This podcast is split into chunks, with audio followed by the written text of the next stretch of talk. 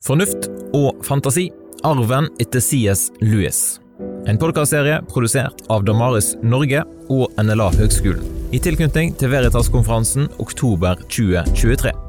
I denne serien blir du bedre kjent med CS Lewis, Narnia-bøkenes forfatter, litteraturprofessor og kristen apologet.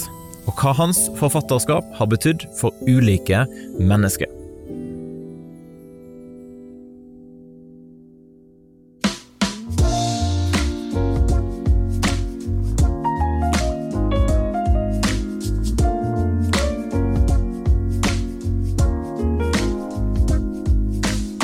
Du hører på Lundestund, og i dag så skal vi dykke ned i personen CS Lewis. Og altså ikke Lewis sine skrifter, som de fleste av oss uh, har lest, men hvem var han egentlig som person?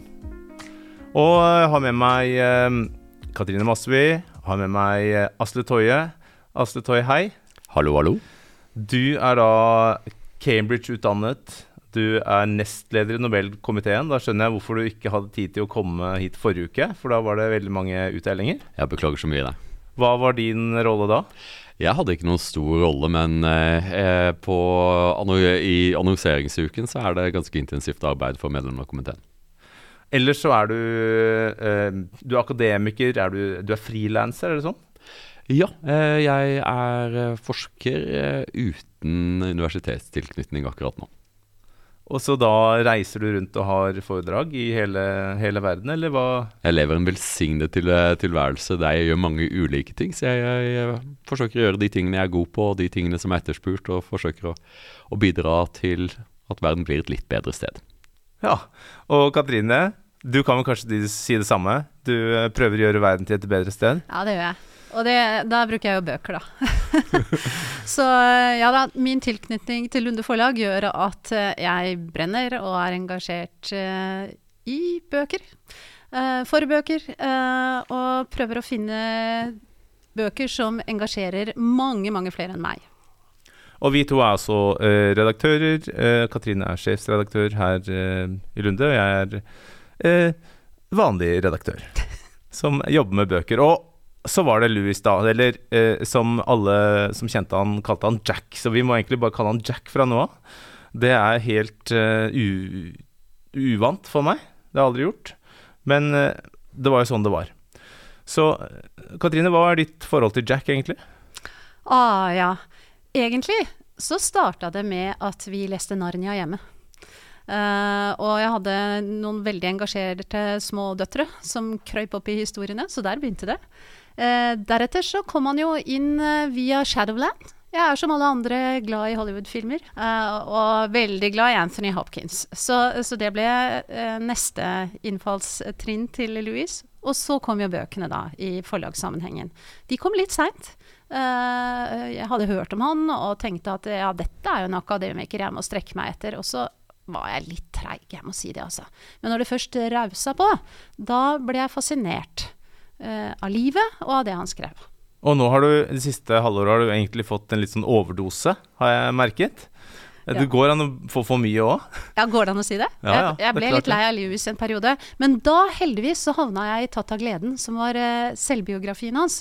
Og da, da våkna eh, interessen og fascinasjonen og nysgjerrigheten og alt det der igjen. Så et sterkt innlegg for 'Tatt av gleden' her, men det kan vi komme tilbake til. Asle, hva med deg? Når uh, Uh, oppdaget du Sis, eller Jack? Uh, jeg er litt forvirret, for dette så som uh, i Cambridge så kaller de ham Jacksy Oh, ja. men jeg Jeg, jeg ble invitert på et, på et, seminar på hans gamle college, Maudland. I Cambridge er de flinke til å minnes sine egne. og ble, ble fascinert. Så jeg leste ikke Narnia-bøkene der som, som ung. Eh, de kom jeg til, til senere, eh, og har egentlig fokusert egentlig mest på denne Space-trilogien hans. Ja, så gøy. Eh, som jeg, som jeg syns er veldig veldig morsom, men det er også pga. at dette har jo inspirert eh, Roger Scruton, eh, den store konservative filosofen. Og det er jo er alltid interessant å se hvilke, hvilke, kilder man har drukket av. Jeg ble litt nysgjerrig. Hvem, hvem er det? Hva Roger Scruton er vel kjent som den største konservative filosofen eh, som eh, Storbritannia har fostret i nyere tid. Eh, som eh, de som er interessert i Roger Scruton, bør gå på YouTube og taste inn 'Why Beauty Matters'. Dette er en dokumentar han lagde for BBC, eh, som jeg tror alle vil ha stor glede av. Og hvordan, hvordan inspirerte den science fiction-trilogien uh, Scruton? Eh, det er jo eh, I science, eh, science fiction-trilogien så er det et Ikke sant Et fokus på menneskelighet, ikke sant. Eh, der du har I det tredje bindet, som jeg har hatt mest nytte av, så er det en advarsel mot nihilistisk vitenskap. Mm. eh, som jeg mener er en trend i samfunnet vårt i dag. Altså en umoralsk vitenskap som ikke er informert av menneskets historie og menneskets natur. Og, eh, og i denne tri- trilogien så er det et forsøk på det å både se menneskets kapasitet for innovasjon og, eh, og reise ut, ikke sant, utferdstrangen ut i rommet, samtidig som eh, denne advarselen om hvilke farer som, så, så, så, kan føre med, det kan føre med seg hvis vi ikke tar med oss de historiske erfaringene, de religiøse innsiktene, eh, som reflekterer hva vi er Ja. eh, som vesener, med kapasitet for ondskap, men også kapasitet for godhet.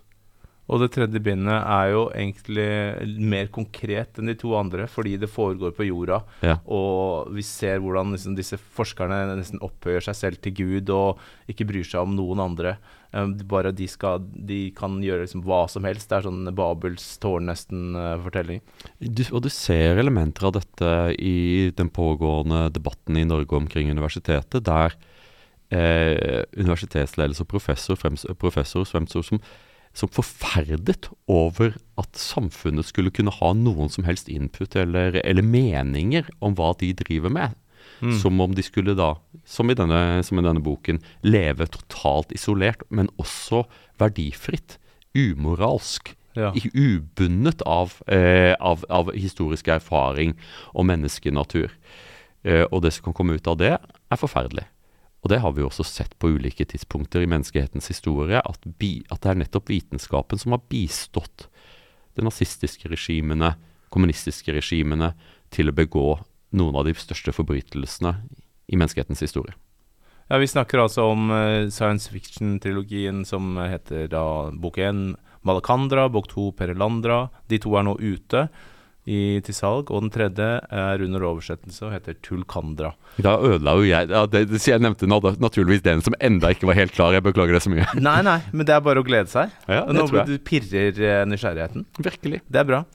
Uh, og jeg uh, leste mye Ajaxi, da, uh, i tenårene og 20-årene, og så de siste sånn ti årene har jeg oversatt, jeg har oversatt de, fem, nei, de fire siste eh, utgivelsene. Nei, jeg har alltid vært glad i han, og nå har jeg på en måte fått et litt mer sånn et eh, profesjonelt forhold til han, da. Ja. Og da eh, skal vi i gang. Det var innledningen. Hvem var han egentlig som person? Og hvordan har det påvirket bøkene hans? Barndommen. Han ble født i Belfast. Noen som vil eh, kaste seg på? Vi kan jo ta litt detaljer, kanskje. Født i Belfast. Um, en ikke sånn upper upper class-setting, men, men allikevel godt borgerlig. Uh, han hadde en mor. uh, altså Han er jo født, vi kan jo si det først, i 1898. Så han hører til i det århundret et par år, i hvert fall. Så hadde han en mor som eh, eh, faktisk hadde en bachelorgrad i matematikk. Og det syns jeg er litt artig. Eh, og, og, han hadde, og hun var, hun var Ire, en sånn jorda, balansert, fin eh, person eh, med vid interesse. Hun introduserte han Hun var en matema matematiker med sans for skjønnlitteratur. Er ikke det nydelig, da? Ja, og så hadde han en far fra Wales. Og det var faren som var liksom den følelsesmessige, utagerende noen ganger, eh, mannen, eh, som gjorde at eh, Jaxie eh, uttalte senere at han var veldig redd for følelser. For de utslagene det kunne gjøre, som gjorde han litt sånn utrygg. Mm. Eh, fordi faren hans kunne da eh, Han var ikke voldelig på noen måte, men eh, verbalt var han, var han virkelig en akrobat, altså som kunne slenge ut av seg både det ene og det andre, som gjorde at disse to sønnene, for det er to gutter her, det er en storebror, og så er det Jaxi, um, som eh, Ja, han prega livet deres eh, på godt og på vondt. For de mista jo moren sin ganske tidlig. Og faren ble ganske fjern til tider, levde i sin egen verden, var virkelig ikke helt sånn til stede. Nei, det var en mor her som var navet i familien. Hun ble borte. Hun ble erstatta av, av, husholdersker og guvernanter. Og, eh, og, det var jo moren også som ga disse gutta den første skoleerfaringen på, eh, der hjemme. Uh, før de da, ved hennes død, som var et brått, brutalt skille, en kreftsykdom som ble behandla med operasjon i hjemmet, og deretter eh, død, som en liten forskremt gutt eh, satt og hørte, hørte om fra, fra gutteværelset. Og når mor dør, så er det rett ut på da kostskole, som vi i dag kan sitte og grøsse av, men som var en del, og ikke så unormalt i det britiske samfunnet. Ja, eh, alt, eh, alt, dette stemmer. Vi bør vel kanskje også nevne at, eh, at han var sak, sakfører og eh, eksentrisk, ja. er, vel, er, vel, en måte å si det på. Eh, guttene blir eh, skolert gjennom guvernanter fram til eh, Jaxie er ni år gammel. Kallenavnet Jaxie har han faktisk fra hunden sin.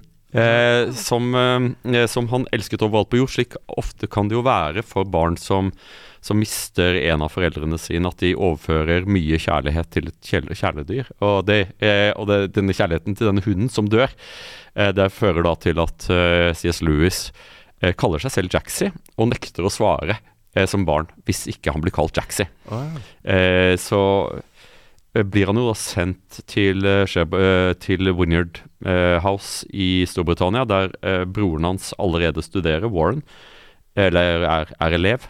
Men Winyard House går konk pga. at de har ikke nok elever, og så er det tilbake til, til Ulster, mm. hvor han da er i en periode før han da går tilbake til, blir sendt tilbake på ny kostskole, denne gangen i Sherburg, Sherburg House, som i senere forfatterskap blir referert til som charters. Og du vet, disse kostskolene, det er jo ganske eh, Det er en brutal eh, opplevelse eh, for en liten gutt å komme på kostskole. Og det, de regimene inne på disse kostskolene er jo så Når vi leser de i dag, så tenker vi at dette, dette tilhører jo en annen verden. Ja, det er liksom fluenes herre omtrent. Du, han skriver mye om det i Tatt av gleden, hvor de større guttene tar de yngre som, uh, som elskere, omtrent. Og, og, og, de herjer liksom fritt. Jeg tenker, hvor var de voksne? Nei, og de voksne er der på forskjellige nivåer, da, på disse forskjellige skolene som Asle refererer til her, hvor, eh, hvor uh, Spanskrøret er jo en del. Og, og den derre verbale, brutale overhøvlinga som disse gutta får, uh, og som de går gjennom. Og de går videre. Og, og, Jack han virker jo som på en måte, når han kommer på denne skolen um, i England, hvor han uh, er Som broren har liksom gått litt foran han, og hvor han etter hvert på en måte mentalt distanserer seg fra det som foregår rundt han. Uh, og han sier Han går seg jo selv litt i, uh, etter i sømmene og irettesetter seg sjøl, egentlig, fordi han sier at mer eller mindre da, at jeg, jeg fikk en slags sånn derre uh, hovmodig holdning til dem rundt meg, og det var en synd. Mm. Så, så, det er litt interessant den betraktningen der i etterkant, men jeg tror det var en overlevelsesmekanisme. Fordi han er veldig akademisk flink. Og det har vi jo ikke nevnt, at han, han, Det er jo hjemme han oppdager gleden ved bøker og litteratur, og på en måte nesten flykter da inn i, inn, inn i bøker. Og, og, um, sammen med broren så skaper han seg uh, fantasiverdener mm. og, og, Så både at han fyller på med litteratur, men han også allerede da har han den skapertrangen da, til, å, til, å, lage seg masse historier. Ja, disse gutta lagde jo noe de kalte for Dyreland, eller Baksen. Som var en sånn blanding av eh, Eller de hadde Han tegna og skrev tekster om påkledde dyr. Og han var litt, eh, litt, fascinert av Beatrix Potter og hadde sett hennes fantastiske tegninger. Og, også, og jeg, da jeg leste det første gang, så tenkte jeg oi, her har vi kimen til Narnia. Eh, men han benekter litt det i etterkant. Eh, at det var liksom ikke Men du vet, det har spilt en rolle der på bakteppet, disse påkledde dyrene som har en egen, egen, fantasi, som uttaler seg verbalt, og som kjemper sine kamper. Så, så det Ja, han var tidlig på Ja, Det er jo en slags engelsk tradisjon, det, med, med The Wind and the Willows, uh, Suser i sivet og uh, Alice Eventyrland. Ikke sant? Dyr med klær på, ja. det er jo overalt. Ja. Um, Men så hadde vi jo det også, Asle, dette med det nordiske. Ja, det er sånn interessant uh, dette fordi at C.S. Lewis kommer til, uh, kommer til, England, og la det være klart at Nord-Irland og England er to helt forskjellige steder uh, sosialt. Eh, det ble nevnt her at, eh, at, hans familie tilhørte borgerskapet, men ikke den øverste delen av det. Eh, Nord-Irland det kan vi forstå med norske øyne. Eh, vi forstår akkurat hva vi mener med liksom, å tilhøre med borgerskapet. Mens han kommer da til et ekstremt rigid klassesamfunn, eh, og opplever da at engelskmennene ser jo ned på, eh, på nordirer. og de ser ned på irer, de ser på, ned på walisere, de ser ned på, på skotter. Og det har mye å gjøre med sosiale, de, de, sosiale kodeksene eh, som forferder CS Lewis, og skaper en ganske sterk motreaksjon. Er det, er det da barna på skolene som, som uh, ser ned på det, eller er det de voksne lærerne, eller alle, eller? I en kostskolesetting så er det slik at eh, du kommer inn med en inngangsverdi eh, i England knyttet til din sosiale status. og ofte med, Hvis du har aristokratisk eh, bakgrunn, vil du sortere høyere enn noen som, noen som ikke har det. og Dette er noe som, eh, som, som, er til stede, og du kan fremdeles se, det, se, dette i Oxford og Cambridge også. At det finnes eh, grupper av mennesker som du ikke kommer til å ha noe særlig å gjøre med. Og det er den øverste delen av, av aristokratiet som klumper seg rundt visse colleger. Eh, bl.a. Maudlin College, som, eh, som, C.S. Lewis senere eh, fungerer ved.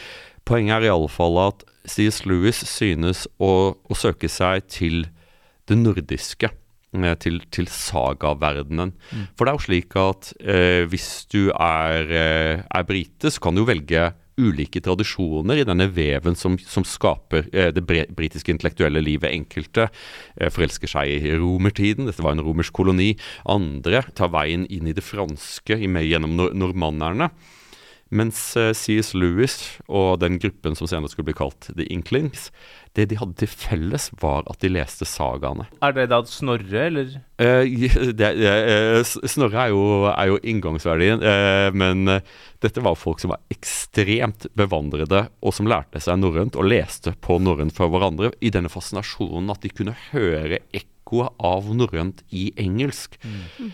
På en måte som jeg tror mange nordmenn Vi er så fjerne fra vår egen fortid at den entusiasmen som, som C.S. Lewis finner i noe opprinnelig, noe som er sant, noe man kan bygge videre på i denne grovhugne norrøne prosaen, og de innsiktene både i, den, eh, både i, den, hedenske litteraturen, men kanskje også vel så viktig i den delen av litteraturen som vi nesten har glemt her i Norge, den kristne norrøne litteraturen. Som, eh, og her må jeg ta og slå på, tro, på, på tromma for en, av, eh, en, oppdagelse jeg har gjort.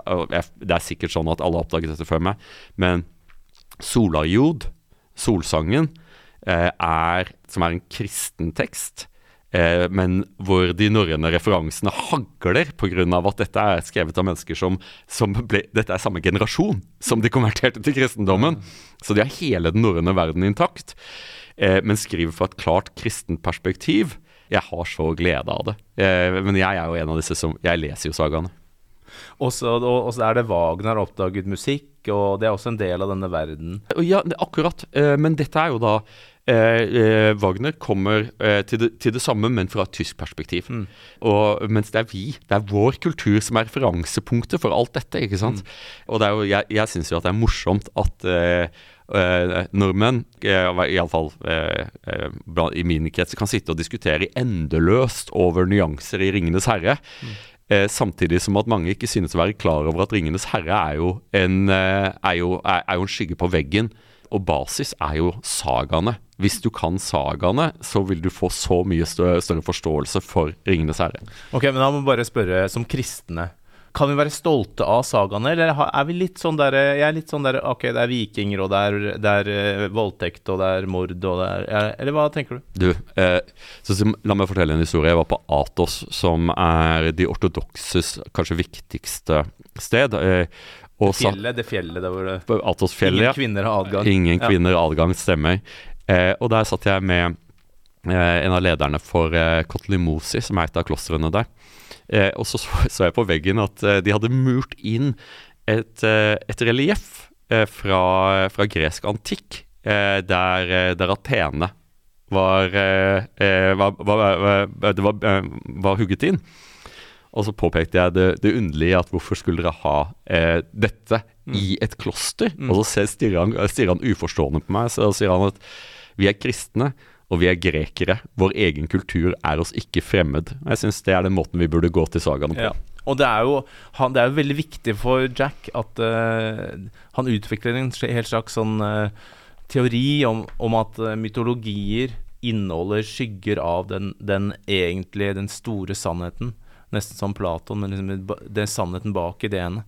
Hvis jeg, hvis jeg, hvis jeg, bare- siden du sier det, så vil jeg bare ta så få lese et sitat fra eh, boka som heter Mere Christianity, som på norsk heter Se det i øynene, som er en bok som jeg vil anbefale kristne. Eh, hvis du ønsker å, å starte din reise inn i C.S. Lewis, så start med Se det i øynene. Eh, han, der han sier at eh, eh, dette er de to punktene jeg ønsker å komme med. For det første, at mennesker over hele jorden har denne merkelige ideen om at de burde oppføre seg på en bestemt måte, og egentlig ikke kan bli kvitt denne tanken.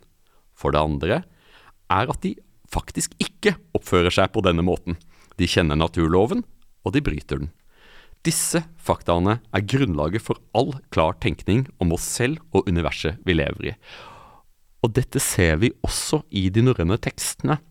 Og det er jo om du, om du leser eh, Gunnlaug om Ormstunge eller Njål Saga, så er det jo nettopp denne spenningen der menneskene føler og vet i seg at det finnes en korrekt måte å leve på, og at man ikke lever, eh, lever på denne måten. I dette spennet så oppstår det jordsmonnet hvor kristendommen slår røtter i vår del av verden.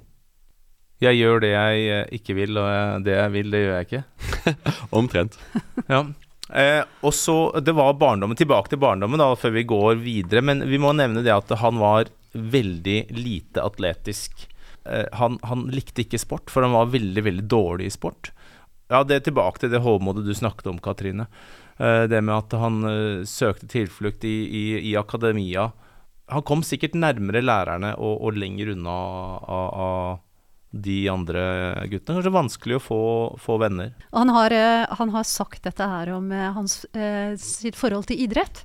Så har han sagt Jeg betraktet idrett, som en del gutter faktisk gjør, som et livets nødvendige onder. Det kunne sammenlignes med inntektsskatt og tannlegebesøk. Jeg og sport var, som ordtaket sier, som et esel med en harpe.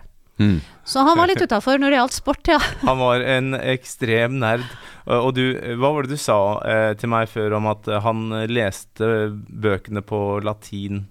Ja, altså han, han var jo disse, altså disse gutta var jo skolert i gresk og latin veldig tidlig. Eh, og han hadde jo lest mange verker tidligere på gresk enn han gjorde det på engelsk.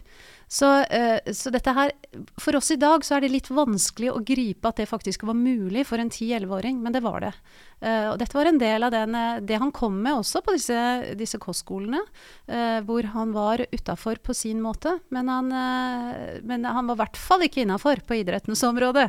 Da er det ikke noe rart han slenger om seg med latinske uttrykk i bøkene, som jeg som oversetter sliter litt med, da, ikke sant? som ingen i dag har noe forhold til.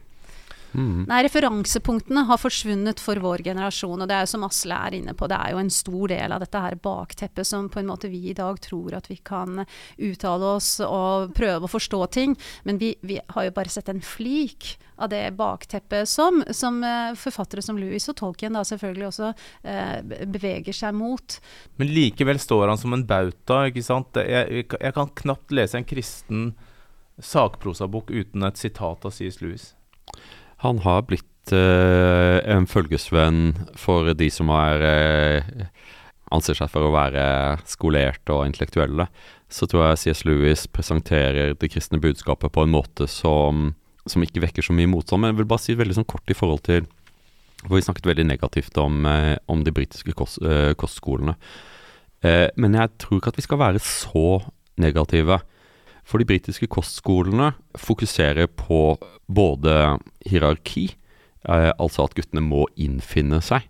Eh, det å være, å være utenfor gruppen. Du må finne din plass i gruppen. Naturligvis er det smertefullt. Men det handler også om herding. Herding fysisk, herding intellektuelt. At du skal være eh, At vi skal At du, i det samfunnet du skal ut i, og dette er det britiske imperiet, så må du ha en intellektuell og fysisk hardhet som er tilstrekkelig til at du ikke knekker eh, når, eh, når, du, når, du blir, når, du, blir kalt på deg til å ofre. Og det er jo nettopp det som skjer med C.S. Lewis. Er jo nettopp det at han, går, han blir jo soldat. Han blir jo sendt i første verdenskrig. Han kjemper ved som. Og jeg tror at selv om han kanskje ikke var god i rugby, så tror jeg nok kanskje at noen av erfaringene fra, gjørma på rugbybanen var, var nyttig da han sto til, til knes i gjørme i Somme. Men eh, litt for å følge opp det der, med det der med å herdes i et, eh, et eh, litt røft klima, og hva det gjør med en karakterbygging. Og det også å gå videre og leve livet også etter at han var i krigen, som både han og broren for øvrig eh, tjenestegjorde. Og tolken. Og Og tolken, Tolkien, ja. mm. ja. Og du, du så jo på, på Oxford og Cambridge hvor store altså Det var jo hele kull av uh, unge studenter som ble sendt ut, og mange, veldig, veldig mange som ikke kom tilbake igjen. Men uansett, da, tilbake til dette her med, med det derre ubehaget, og hvordan det kan bygge karakter. Og også for Louis ser vi eh, senere at han, han går litt videre med noe smågrus i skoene. Men uh, han er ikke der hvor han sitter og vender all oppmerksomheten mot det ubehagelige, men han greier å stå rett og løfte blikket og, og gå videre. Og også det gjør at han Når han senere konverterer til, til kristendommen, eh, så blir han jo rent luthersk i sin kjærlighet til den vanlige eh, kristne. Eh, med med, med eh, med arbeideren som går i kirken med gjørme på skoa. Mm. Og jeg tror at en person som C.S. Lewis, hvis han ikke hadde gått gjennom den reisen han gjorde, så ville han ikke hatt den respekt eh, for andre mennesker fra ulike samfunnslag som ikke hadde de styrkene som han hadde, fordi han var også klar over sine egne svakheter. Han visste at andre menn eh, var bedre enn han i mangt. Og han hadde fått dette illustrert på en så brutal måte at den respekten satt i han resten av livet. Eh, og av og til så er noen av de lærdommene vi gjør oss i livet, er smertefulle. Men den tanken om at hvis man bare fjerner alle smertefulle opplevelser, all dyrkjøpt erfaring, eh, så vil man leve et bedre liv, det er falsk. Vi tar og trekker en lapp. Vi har laget noen lapper med forskjellige emner um, som kan ta oss litt videre. Katrine, trekk en lapp. Skal jeg trekke? Jeg må ta den som er nærmest meg her. Der står det 'Louis og venner'. Ja, fordi han eh, fremstår som en ganske sjenert mann. Han er veldig uttrykksfull i bøkene sine. Men han hadde en, en liten kjerne, som du var inne på i stad, Asle. eh, The Inklings. Hmm. Ja, Hvis du besøker Oxford i dag, så kan du jo gå der hvor disse gutta møttes og satt og snakka sammen. Og dette var jo en, gutte, en guttegjeng. Med stort sett eh, professorer på de ulike collegene der. eh, og de møttes en gang i uka for å, for å prate og for å lese opp for hverandre ting de hadde skrevet. Så det, var en slags eh, lese- og skrivesirkel. Du, du kjenner godt til det her?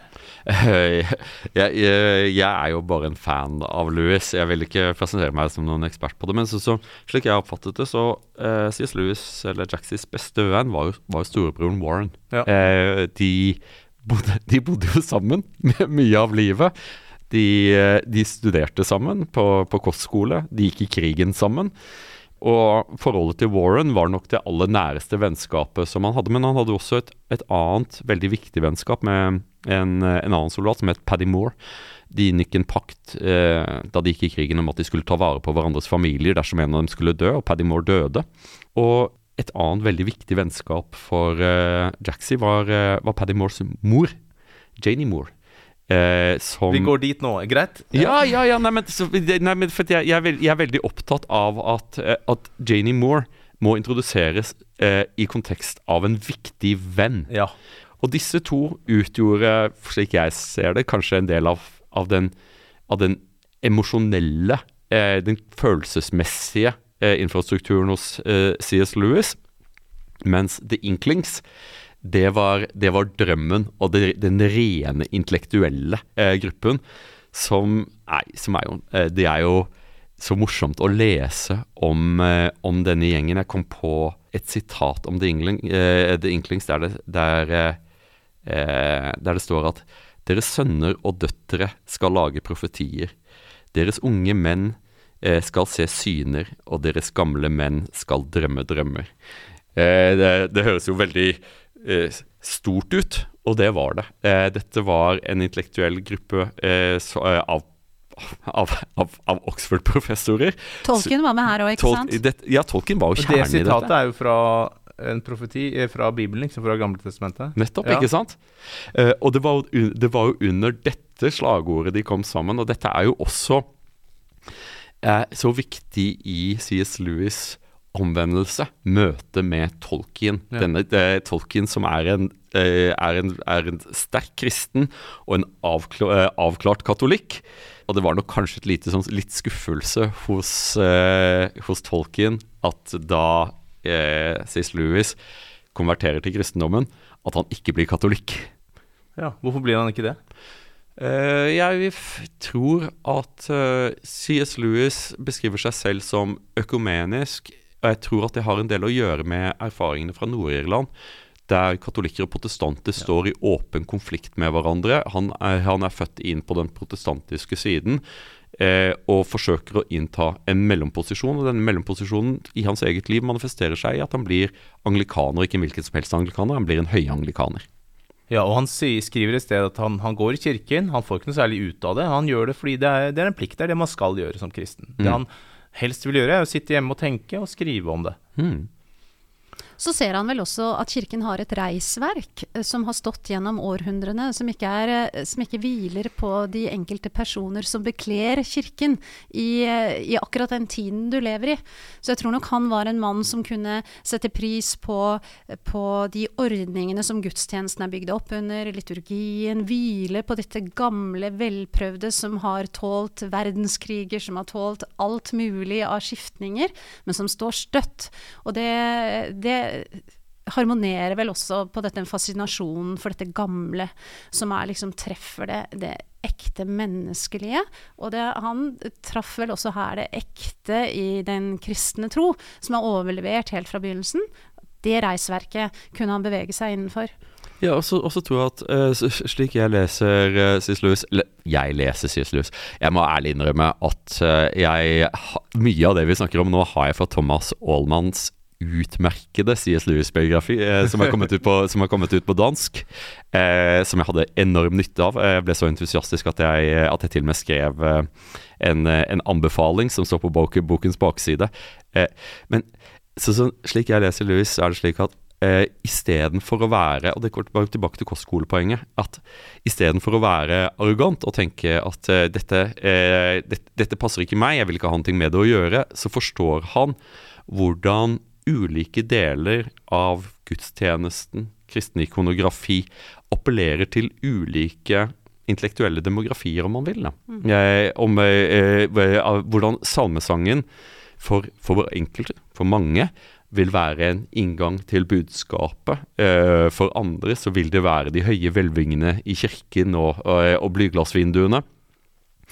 Og for andre igjen, som C.S. Lewis selv, så er han jo, han er jo interessert i kjernen. Han vil bore inn i kjernen av Bibelen og henter sin nytte der, og det er noe som han gjerne gjør alene. Men det er jo interessant òg, da. For hva var det som gjorde Hvis vi, hvis vi kan, kan vi gå litt over til den eh, omvendelsestida hans? Ja, jeg Eh, tenkte på det samme. ja. Tenkte på gleden. På gleden, ja. Fordi det er jo ikke eh, å bli en troende basert på intellektet. Den er, den er kinkig. Men for Louis så fikk han glimt, og det er jo det som er gleden, sånn han beskriver den, et glimt av en type lengsel. Altså du ser noe som på en måte er bortenfor, og du ser det i et lite øyeblikk, og så forsvinner det. Mm. Men det tar feste i deg. Man kan jo nesten forklare det som et, et lite sånn paradisglimt. Det er noe som eksisterer utenfor det vi har innenfor vår umiddelbare nærhet. Uh, og når du har erfart den gleden, det, fått det glimtet én gang, så plantes det en dyp lengsel i deg etter å erfare det på nytt. Og når og er det han får disse glimtene?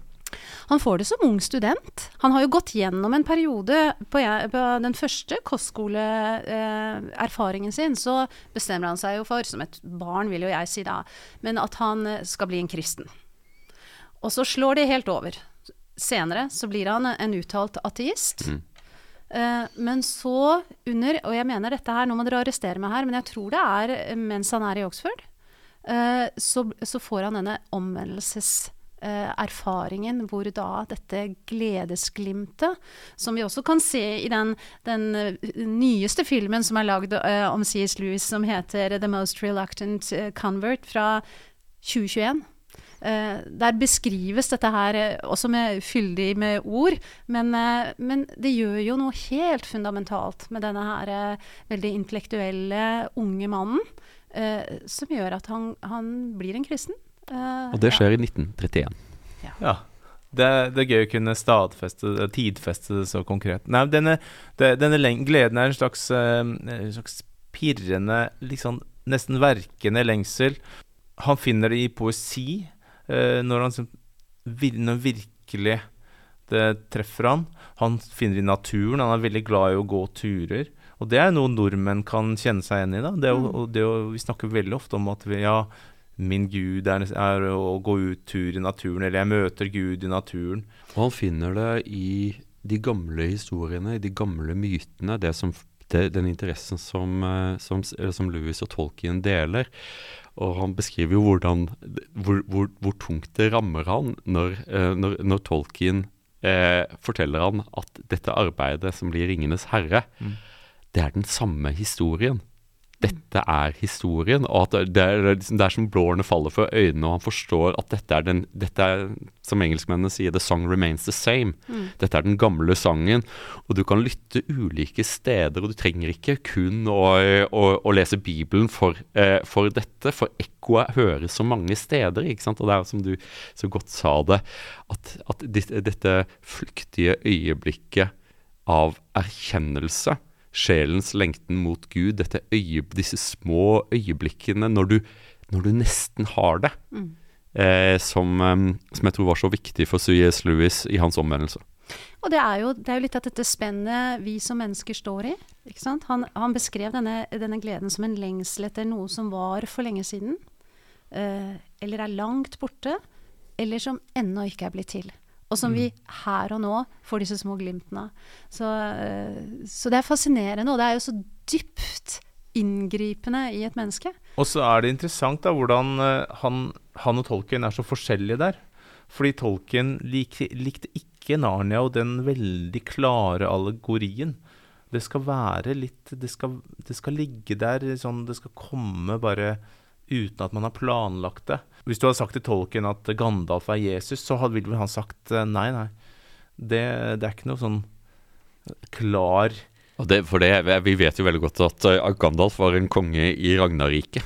Ok, ja, det er, Eh, for- du vet det ganske godt. Som vi vet fra, fra, fra sagaen. Nei, men du, du, du, du, har, du har helt rett i at, at Tolkien var mer forsiktig med åpenbare kristne allegorier, men tok det hele ned på et enda dypere plan, som var der sier det ateisten eh, og den okkulte, la oss være ærlige. C.S. Lewis hadde jo også, han flørtet jo mye med okkultisme også. Han også. var veldig eh, lokket av det. Ja, ja nettopp. Eh, og det var på, på det planet eh, at, eh, at C.S. Lewis og Tolkien møtes, ikke på bibelsk grunn. Eh, og det er også interessant at, at, at konverteringen starter i mytos, Ja. ikke i logos. Mens, mens Tolkien har vel, så vidt jeg vet, ikke skrevet noe særlig om uh, sin tro, om kristne temaer, mens Sirius Lewis bruker resten av livet sitt til å skrive om det. Mm. Så det er, de, de skiller seg der, men de, eh, de er venner livet ut.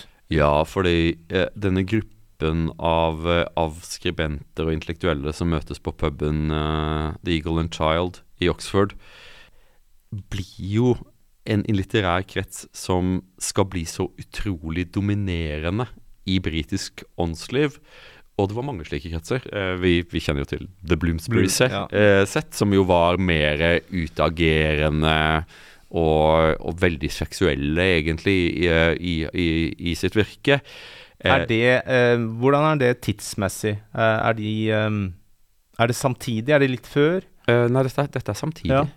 Oxford-gruppen er ganske uinteressert i identitetspolitikk. Mm. Eh, de er uinteressert i feminisme eller, eller homofili og den, den type ting som hele tiden popper opp i, i Bloomsbury. Det som, eh, som forener dem, er jo da den, en De har drukket av de samme kilder som unge menn. De har lest sagaene. Det er der det hele starter. Ja, og så kommer det en kvinne i veien.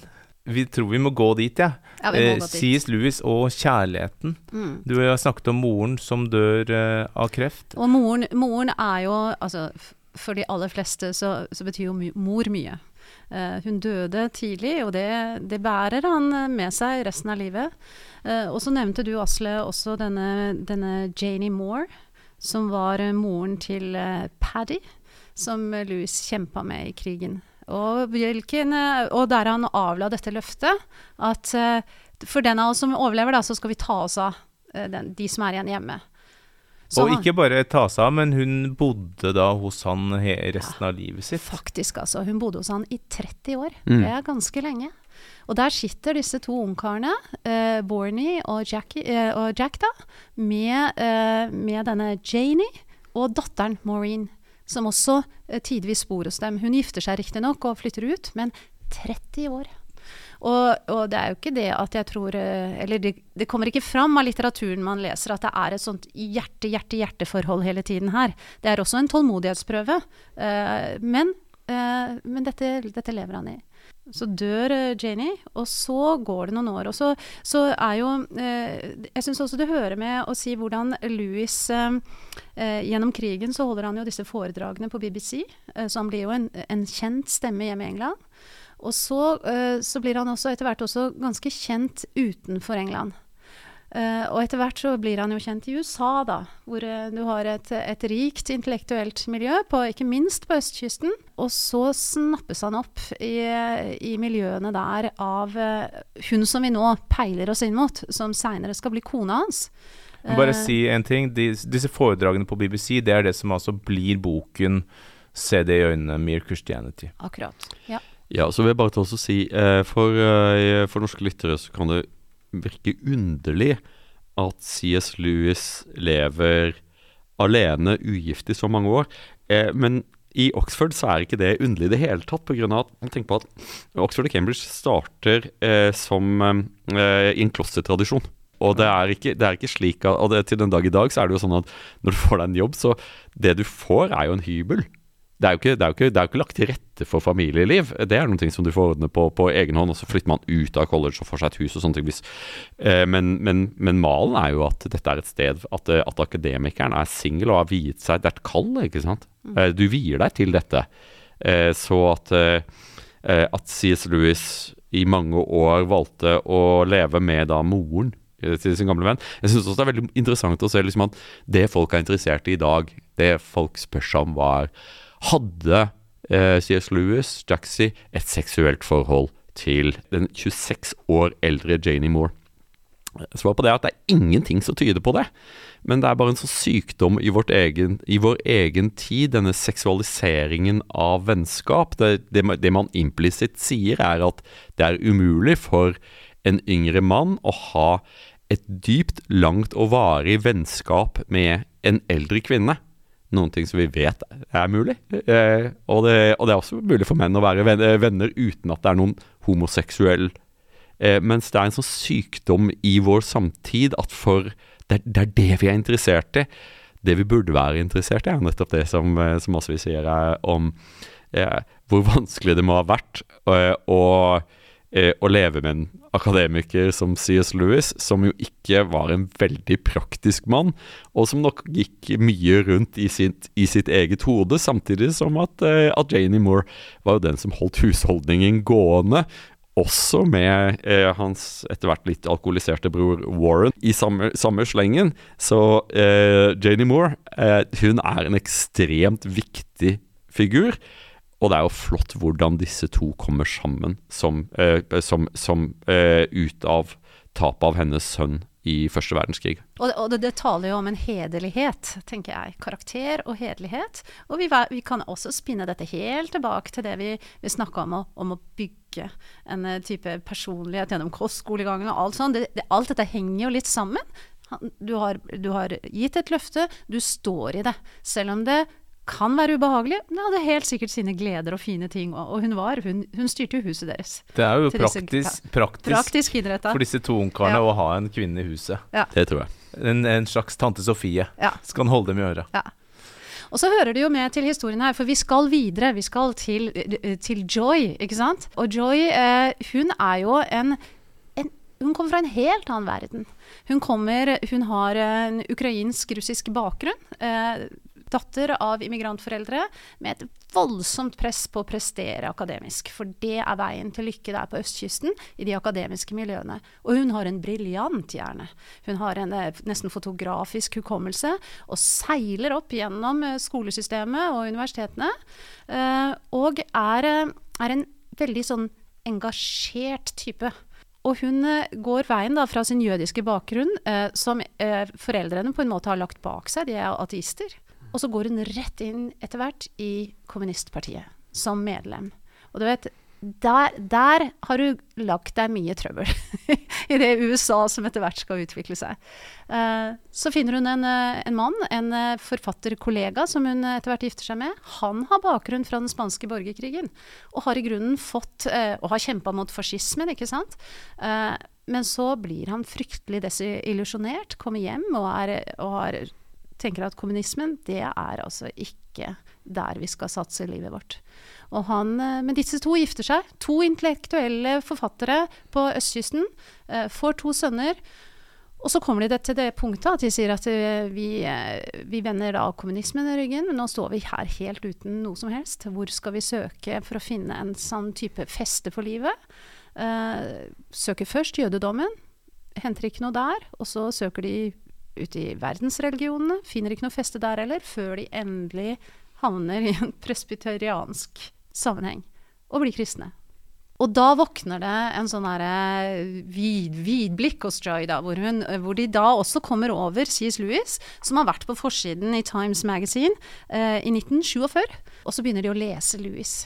Så møter de en eh, intellektuell eh, som tenker som dem. Uh, men som likevel har blitt grepet av gleden, da, og blitt uh, har blitt en troende. Som har gått inn i et univers som for dem kanskje var tidligere veldig, veldig fremmed. Joy har et trøblete ekteskap. det ender med skilsmisse, men før hun kommer så langsomt til at det blir skilsmisse, så, så begynner hun å brevveksle med C.S. Lewis. I full forståelse med mannen sin, og hun blir vel litt avstandsforelska. Det går an å si at man kan bli forelska i et intellekt, går det ikke det? Jeg tror det. Og så det er jo det er en sånn fascinerende tid, ikke sant? på grunn av at på dette tidspunktet så er det legitimt å være kristen og intellektuell.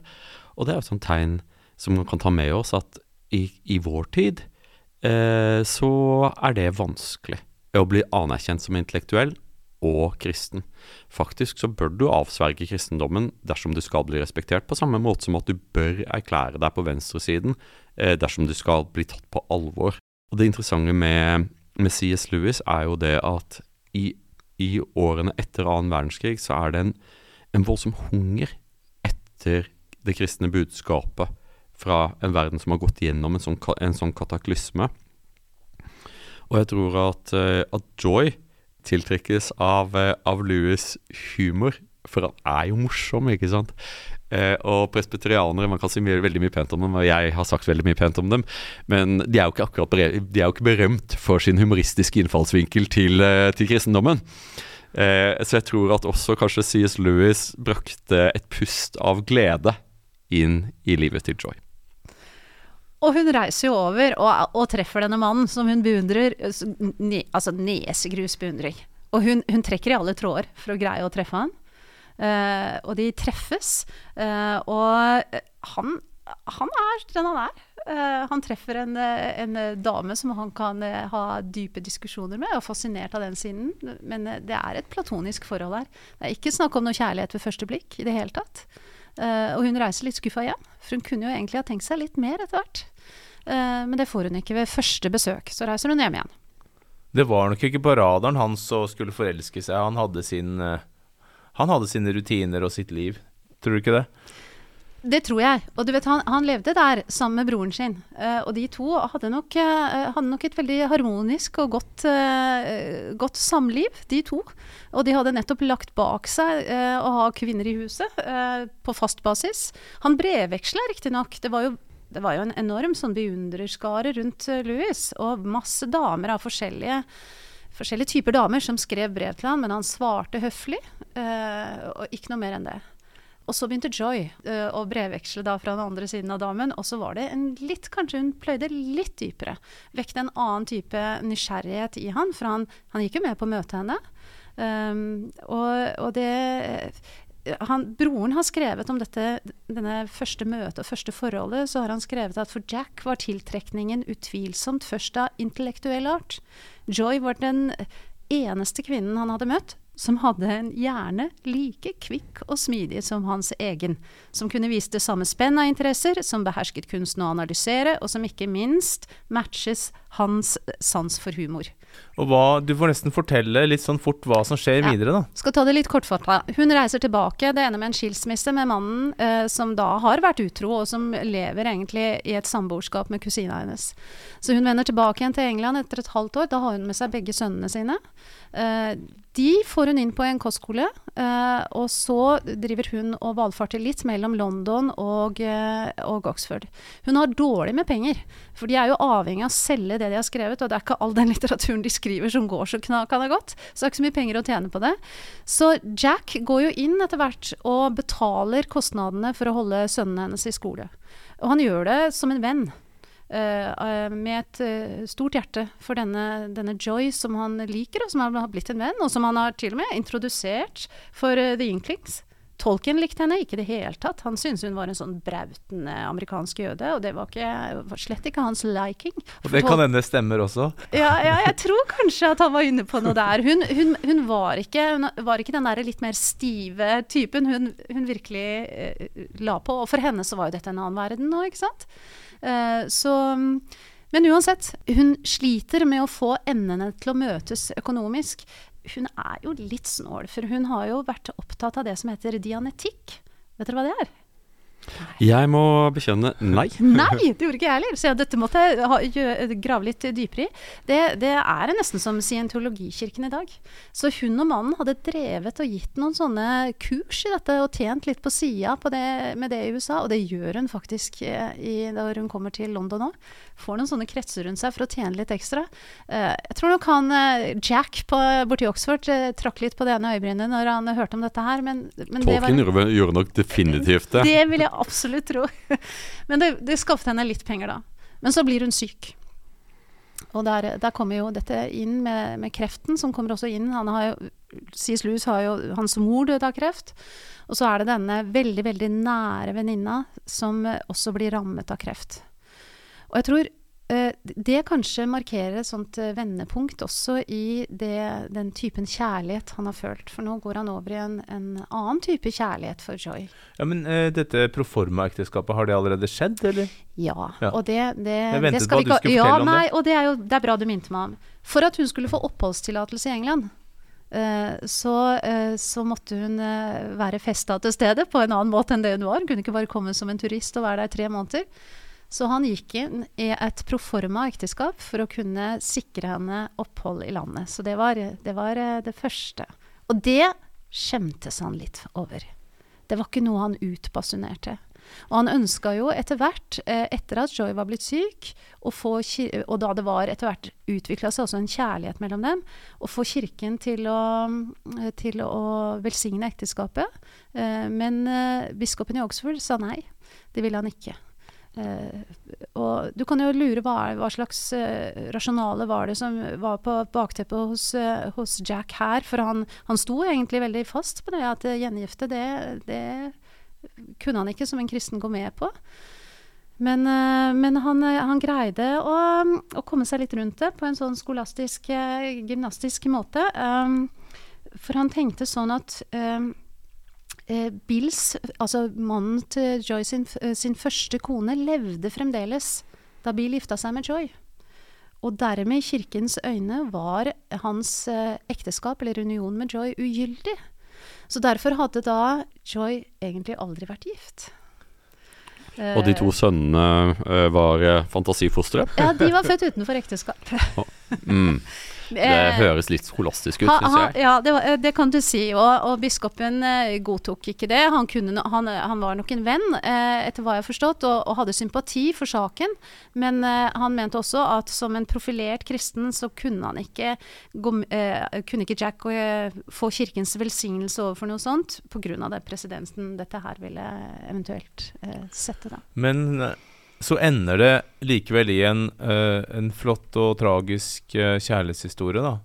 Det gjør det. En, en yngre bekjent av Jack, eh, som er prest eh, i, i kirken der, hadde evner til å helbrede.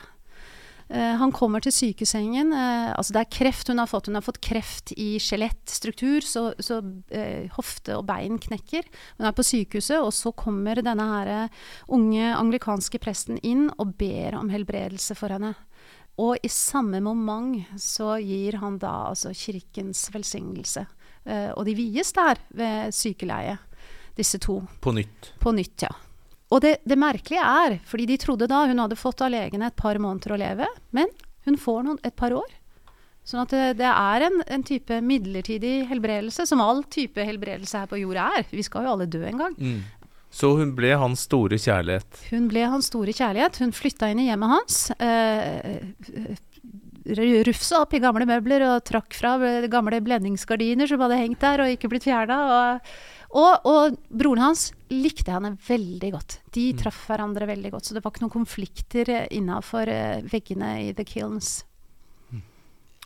Vi har jo, Lunde har jo gitt ut en roman som heter 'Mrs. Lewis', som forteller denne historien fra hennes uh, synsvinkel. Men du har i det siste lest en annen bok som forteller, gir et litt annet bilde, ikke så rosenrødt bilde av Joy. Vil du si noe om det? Nei, men det er jo, det er jo mange ting eh, eh, Altså, vi mennesker er, vi er jo ikke sort-hvite. Vi, vi har jo avskygninger av, av, av mye rart. Og hun var en, hun var en veldig spesiell person. Så, og det, det brakte hun med seg. Og igjen, Tolkien likte henne overhodet ikke. Hun var framfus, rett fram. eh, hun, eh, men, men, men igjen, da, å dømme, dømme dette, den kjærligheten som oppstår mellom to mennesker, det skal jo ikke vi stå på siden og, og bedømme. Hun ga Jack eh, en rikdom og en fylde, tror jeg, som han eh, ennå ikke hadde erfart. Eh, han skriver om disse forskjellige typene kjærlighet i en annen bok. Men han, han fikk denne her, dette dype fellesskapet, og som etter hvert også ble da også seksuelt. For i begynnelsen så, så, så sa han nei, det er jo ikke mulig. Dama er jo sjuk, hun ligger der. Må ikke tenke at vi har en, den type ekteskap. Men dette ble også et, et fullbyrda, eh, harmonisk eh, ekteskap så lenge det varte. Kanskje det er så enkelt som, å si, som de sier i England, at one man's mistake is another man's wife. Ja, men vi- Jeg vil i hvert fall være glad på hans vegne at han fikk oppleve kjærlighet. Og så må vi si at uh, Narnia-bøkene ble jo til pga. sønnen hennes. Han fortalte dem eventyr. De var nok litt i gang før hun kom over til England, etter hva jeg har forstått. For hun, de leste jo Narnia der borte på østkysten. Men de var jo ekstremt fascinert av denne verden. Og Ja. de siste bøkene ble, dedik ble dedikert Ja, sønnen hennes. Ok, Okay, ja. Og så vil jeg bare til slutt vil litt tilbake til det med um, professorlivet hans. Han skriver jo så mange, kanskje 20 bøker om kristendom. Han skriver sju barnebøker om, eh, som fantasybøker. Han har skrevet tre science fiction-bøker. Hvordan ble dette liksom sett på av de andre i eh, akademia, av de andre professorene? Altså, er det stuereint å drive og skrive fantasy-barnebøker? C.S. Lewis eh, var jo først på, eh, professor ved, eh, ved Magdalen College i Oxford, og så gikk han videre til Maudlin Magdalen College i Cambridge. Eh, Magdalen er det mest konservative colleget i Cambridge, selv mer, mer konservativt enn enn mitt alma mater Pembroke. Og C.S. Lewis, hans professorat, var jo i britisk middelalderdiktning. Og han var enormt respektert på dette feltet. Og slik er det i, Slik var det iallfall. At så lenge han var veldig god eh, på det han gjorde. Og, det, og han var en veldig populær professor. Eh, han var kjent som en glimrende foreleser. Han tok seg veldig godt av studentene. Og i, i denne konteksten så hadde man veldig stor takhøyde for eksentrisitet. Mm. Eh, og jeg tror at blant mange av kollegene så ble Narnia-bøkene sett på bare som et utslag av eksentrisitet, at han var eksentrisk, som sin far. Og det var fint. Og det var greit. Og det er jo også en sånn ting som som er så fint med den tiden, at det fantes så mange karakterer, så mange underlige mennesker. Når du ser på denne gruppen som er The Inklings, du trenger ikke å strekke det veldig langt for å se at karaktertrekkene som du gjenkjenner i alver, dverger, hobbiter, er karaktertrekk fra en svært ulik gruppe menn. Som er, de, de er forskjellige skrudd sammen. Eh, og at de, når de kommer sammen da i denne eh, puben og leser, og leser for hverandre, så er det de kommer, de kommer til bordet fra ulike, fra ulike sider. Eh, og det er fint. Eh, den, den, denne tanken om at eh, vi beriker hverandre eh, ved å være forskjellige. Vi fører andre ting til bords. Og hvis vi, eh, hvis vi klarer å respektere hverandre, så kan magi oppstå. Og det er helt sånn viktig for, eh, for de som kanskje ikke er så opptatt av, av C.S. Lewis, og kanskje mer opptatt av, av tolken, eh, som leses mer i, i Norge, har jeg inntrykk av. Så er det sånn at C.S. Lewis var ferjemann for Ringenes herre. Eh, han var den viktigste kritikeren i Tolkiens forfatterskap, og den kanskje Tolkien satte høyest eh, når det gjaldt input i dette storverket, som har blitt stående som kanskje eh, ja, en av de viktigste eh, bragdene i britisk eh, fortellerkunst. Ja. ja. Men jeg tror det er et bra sted å kanskje avslutte på, ja. Jeg tenkte at hvis, hvis, hvis, hvis, hvis jeg får hvis Det jeg får. Ja, eh, ikke sant? For vi snakker så mye om at, eh, at, han, at han var morsom. Eh, og saken er jo liksom Under annen verdenskrig eh, så, så melder C.S. Lewis seg til tjeneste igjen. Eh, og, men blir funnet ikke stridsdyktig. Han gjør sin tjeneste gjennom å holde eh, et radioprogram på BBC fra 41 til 44, hvor han snakker om kristne temaer. Og det er veldig stor etterspørsel etter kristendom i et samfunn hvor det er så mye lidelse og så mye usikkerhet og så mye frykt. Og jeg tenkte jeg ville bare komme med en liten passasje som er min favorittpassasje fra Se det i øynene. Eh, og han skriver Jeg prøver her å forhindre at noen sier det virkelig tåpelige som folk ofte sier om ham. Jeg er rede til å akseptere Jesus som en stor morallærer, men jeg aksepterer ikke, hans ståsted, ikke hans ståsted om å være Gud. Dette er den ene ting vi ikke må si. En mann som bare var en mann og sa den typen ting Jesus sa, ville ikke være noen stor morallærer. Han ville enten være en gærning, på nivå med mannen som sier han er et kokt egg, eller så ville han være en djevel fra helvete. Du må ta ditt valg. Enten var denne mannen Guds sønn, eller også en galning eller noe verre. Du kan holde han stengt inne som en gærning, du kan spytte på han, du kan drepe han som en demon, eller du kan falle for føttene hans og kalle ham herre og gud. Men la oss ikke komme med noe nedlatende tull om at han var en stor menneskelig lærer. Han eh, har ikke latt det alternativet stå åpent for oss. Det var ikke det han hadde tenkt. Nei, det er så klart. Og da ringen sluttet, for det tror jeg var det første jeg leste av C.S. Lewis i, i bladet Credo Det var, det, det var også det første jeg kom over fra, eh, fra C.S. Lewis som, som kristen tenker. Og jeg syns at det er en fantastisk måte, og, og veldig, veldig protestantisk, det at han går til kjernen og snakker med klare ord, men også med, med humor. Tanken om at Jesus skulle være en gærning som, eh, som sier han er et kokt egg.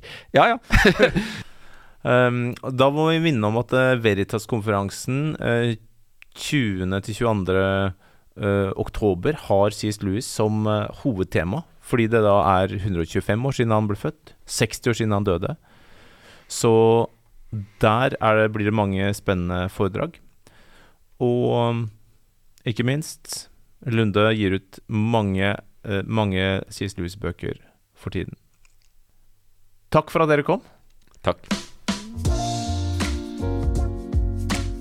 Tusen takk for at du hørte på denne episoden av Lundestund. Vi kommer snart igjen. Lundestund er produsert av Andreas Christiansen, og forlagshuset Lunde består av Norsk Bibel, Lunde, Luther, Veritas og Samboende. Ha en fin dag.